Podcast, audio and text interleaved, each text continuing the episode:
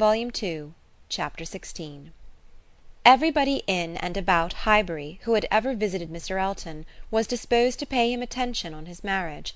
Dinner parties and evening parties were made for him and his lady, and invitations flowed in so fast that she soon had the pleasure of apprehending they were never to have a disengaged day.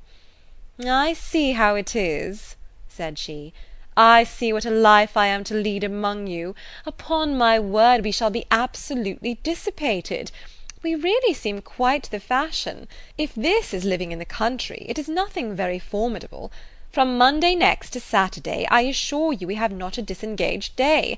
A woman with fewer resources than I have need not have been at a loss. No invitation came amiss to her. Her Bath habits made evening parties perfectly natural to her, and Maple Grove had given her a taste for dinners. She was a little shocked at the want of two drawing rooms, at the poor attempt at rout cakes, and there being no ice in the Highbury card parties. Mrs. Bates, Mrs. Perry, Mrs. Goddard, and others, were a good deal behindhand in knowledge of the world, but she would soon show them how everything ought to be arranged. In the course of the spring she must return their civilities by one very superior party, in which her card tables should be set out with their separate candles and unbroken packs in the true style, and more waiters engaged for the evening than their own establishment could furnish, to carry round the refreshments at exactly the proper hour and in the proper order. Emma, in the meanwhile, could not be satisfied without a dinner at Hartfield for the Eltons. They must not do less than others, or should be exposed to odious suspicions, and imagined capable of pitiful resentment. A dinner there must be. After Emma had talked about it for ten minutes, Mr. Woodhouse felt no unwillingness, and only made the usual stipulation of not sitting at the bottom of the table himself, with the usual regular difficulty of deciding who should do it for him. The persons to be invited required little thought. Besides the Eltons it must be the Westons and Mr. Knightley. So far it was all of course, and it was hardly less inevitable that poor little Harriet must be asked to make the eighth; but this invitation was not given with equal satisfaction, and on many accounts Emma was particularly pleased by Harriet's begging to be allowed to decline it. "She would rather not be in his company more than she could help.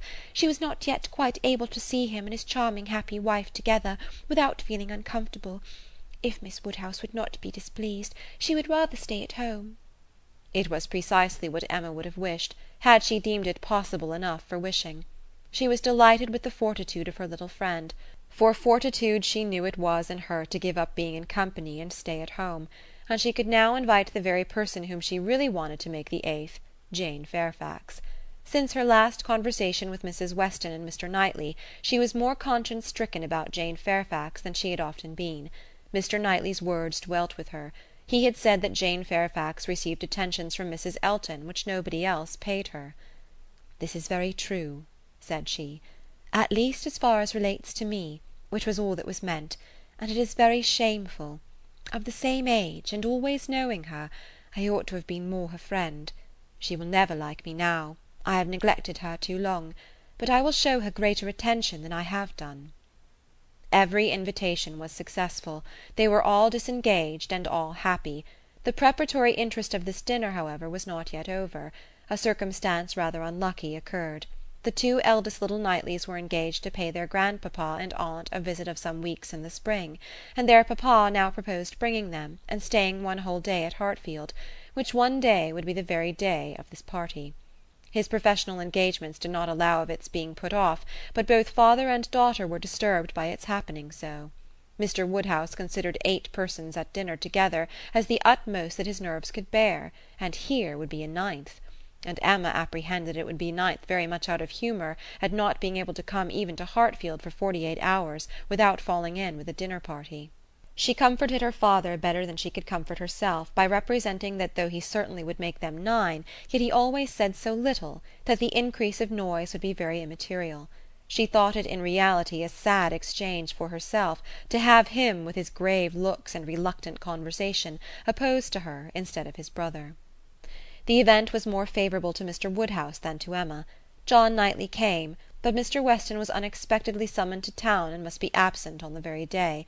He might be able to join them in the evening, but certainly not to dinner.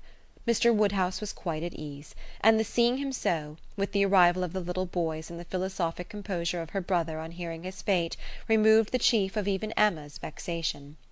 The day came, the party were punctually assembled, and Mr. John Knightley seemed early to devote himself to the business of being agreeable. Instead of drawing his brother off to a window while they waited for dinner, he was talking to Miss Fairfax. Mrs. Elton, as elegant as lace and pearls could make her, he looked at in silence, wanting only to observe enough for Isabella's information; but Miss Fairfax was an old acquaintance and a quiet girl, and he could talk to her. He had met her before breakfast as he was returning from a walk with his little boys, when it had been just beginning to rain. It was natural to have some civil hopes on the subject, and he said, "I hope you did not venture far, Miss Fairfax, this morning, or I am sure you must have been wet. We scarcely got home in time. I hope you turned directly." "I went only to the post office," said she, "and reached home before the rain was much. It is my daily errand. I always fetch the letters when I am here. It saves trouble, and is a something to get me out. A walk before breakfast does me good." "Not a walk in the rain, I should imagine?" "No; but it did not absolutely rain when I set out." Mr. John Knightley smiled, and replied, "That is to say, you chose to have your walk, for you were not six yards from your own door when I had the pleasure of meeting you, and Henry and John had seen more drops than they could count long before. The post office has a great charm at one period of our lives; when you have lived to my age, you will begin to think letters are never worth going through the rain for." There was a little blush, and then this answer: "I must not hope to ever be situated as you are, in the midst of every dearest connection, and therefore I cannot expect that simply growing older should make me indifferent about letters." "Indifferent! Oh no, I never conceived you could become indifferent. Letters are no matter of indifference; they are generally a very positive curse." "You are speaking of letters of business; mine are letters of friendship." "I have often thought them the worst of the two," replied he coolly. "Business, you know, may bring money, but friendship hardly ever does." "Ah, you are not serious now. I know Mr. John Knightley too well. I am very sure he understands the value of friendship as well as anybody.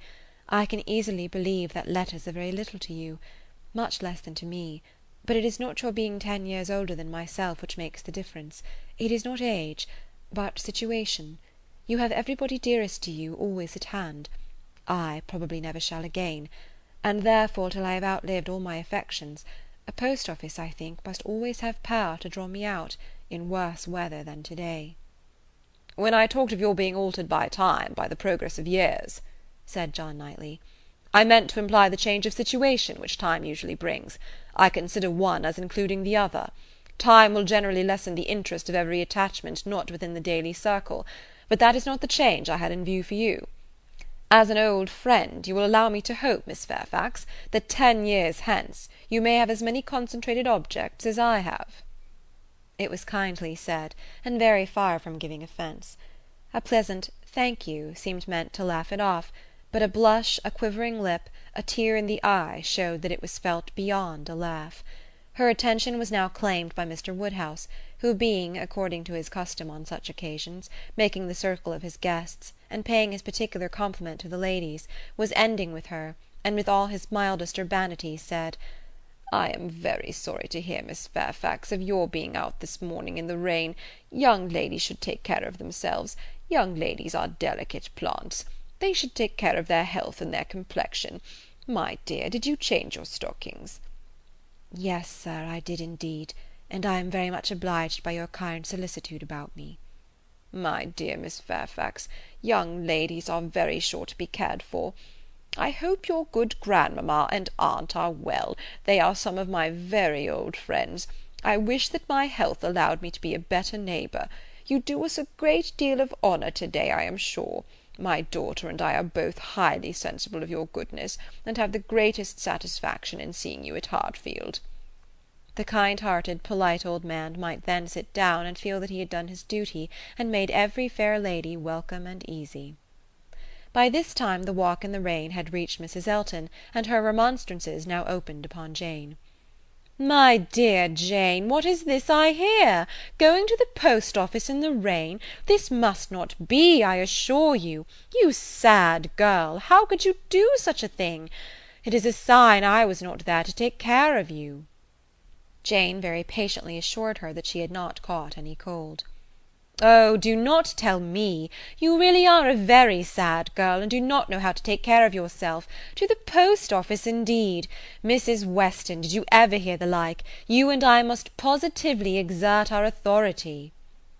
"My advice," said Mrs. Weston, kindly and persuasively, "I certainly do feel tempted to give.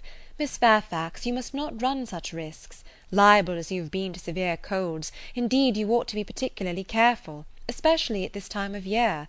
The spring, I always think, requires more than common care. Better wait an hour or two, or even half a day for your letters, than run the risk of bringing on your cough again. Now do you not feel that you had? Yes, I am sure you are much too reasonable. You look as if you would not do such a thing again." "Oh, she shall not do such a thing again!" Eagerly rejoined Mrs. Elton. "We will not allow her to do such a thing again," and nodding significantly. There must be some arrangement made, there must indeed. I shall speak to Mr. E., the man who fetches our letters every morning, one of our men, I forget his name, shall enquire for yours too, and bring them to you. That will obviate all difficulties, you know, and from us I really think, my dear Jane, you can have no scruple to accept such an accommodation." "You are extremely kind," said Jane, "but I cannot give up my early walk. I am advised to be out of doors as much as I can. I must walk somewhere, and the post office is an object; and upon my word I have scarcely ever had a bad morning before." "My dear Jane, say no more about it. The thing is determined, that is," laughing affectedly, "as far as I can presume to determine any thing without the concurrence of my lord and master. You know, Mrs. Weston, you and I must be cautious about how we express ourselves. But I do flatter myself, my dear Jane, that my influence is not entirely worn out. If I meet with no insuperable difficulties, therefore, consider that point as settled." "Excuse me," said Jane earnestly, "I cannot by any means consent to such an arrangement, so needlessly troublesome to your servant. If the errand were not a pleasure to me, it could be done, as it always is when I am not here, by my grandmama's. "Oh, my dear, but so much as Patty has to do, and it is a kindness to employ our men." Jane looked as if she did not mean to be conquered, but instead of answering, she began speaking again to Mr. John Knightley. "The post office is a wonderful establishment," said she. "The regularity and dispatch of it, if one thinks of all that it has to do, and all that it does so well, it is really astonishing." "It certainly is very well regulated." So seldom that any negligence or blunder appears; so seldom that a letter, among the thousands that are constantly passing about the kingdom, is even carried wrong; and not one in a million, I suppose, actually lost; and when one considers the variety of hands, and of bad hands too, that are to be deciphered, it increases the wonder." "The clerks grow expert from habit; they must begin with some quickness of sight and hand, and exercise improves them. If you want any farther explanation continued he, smiling, "they are paid for it; that is the key to a great deal of capacity. The public pays, and must be served well." The varieties of handwriting were farther talked of, and the usual observations made. "I have heard it asserted," said John Knightley, "that the same sort of handwriting often prevails in a family; and where the same master teaches, it is natural enough. But for that reason I should imagine the likeness must be chiefly confined to the females, for boys have very little teaching after an early age, and scramble into any hand they can get. Isabella and Emma, I think, do write very much alike. I have not always known their writing apart." "Yes," said his brother, hesitatingly, "there is a likeness. I know what you mean. But Emma's hand is the strongest." "Isabella and Emma both write beautifully." said Mr. Woodhouse, "and always did. And so does poor Mrs. Weston," with half a sigh and half a smile at her. "I never saw any gentleman's handwriting," Emma began, looking also at Mrs. Weston, but stopped on perceiving that Mrs. Weston was attending to some one else, and the pause gave her time to reflect. "Now, how am I going to introduce him? Am I unequal to speaking his name at once before all these people? Is it necessary for me to use any roundabout phrase? Your Yorkshire friend, your correspondent in Yorkshire that would be the way, I suppose, if I were very bad. No, I can pronounce his name without the smallest distress. I suddenly get better and better. Now for it." Mrs. Weston was disengaged, and Emma began again. Mr. Frank Churchill writes one of the best gentleman's hands I ever saw." "I do not admire it," said Mr. Knightley. "It is too small; wants strength; it is like a woman's writing." This was not submitted to by either lady; they vindicated him against the base aspersion. "No, it by no means wanted strength; it was not a large hand, but very clear and certainly strong. Had not Mrs. Weston any letter about her to produce?" No, she had heard from him very lately, but having answered the letter, had put it away. "If we were in the other room," said Emma, "if I had my writing desk, I am sure I could produce a specimen. I have a note of his. Do not you remember, Mrs. Weston, employing him to write for you one day?" "He chose to say he was employed." "Well, well, I have that note, and can show it after dinner to convince Mr. Knightley." "Oh, when a gallant young man like Mr. Frank Churchill," said Mr. Knightley dryly, writes to a fair lady like Miss Woodhouse, he will of course put forth his best."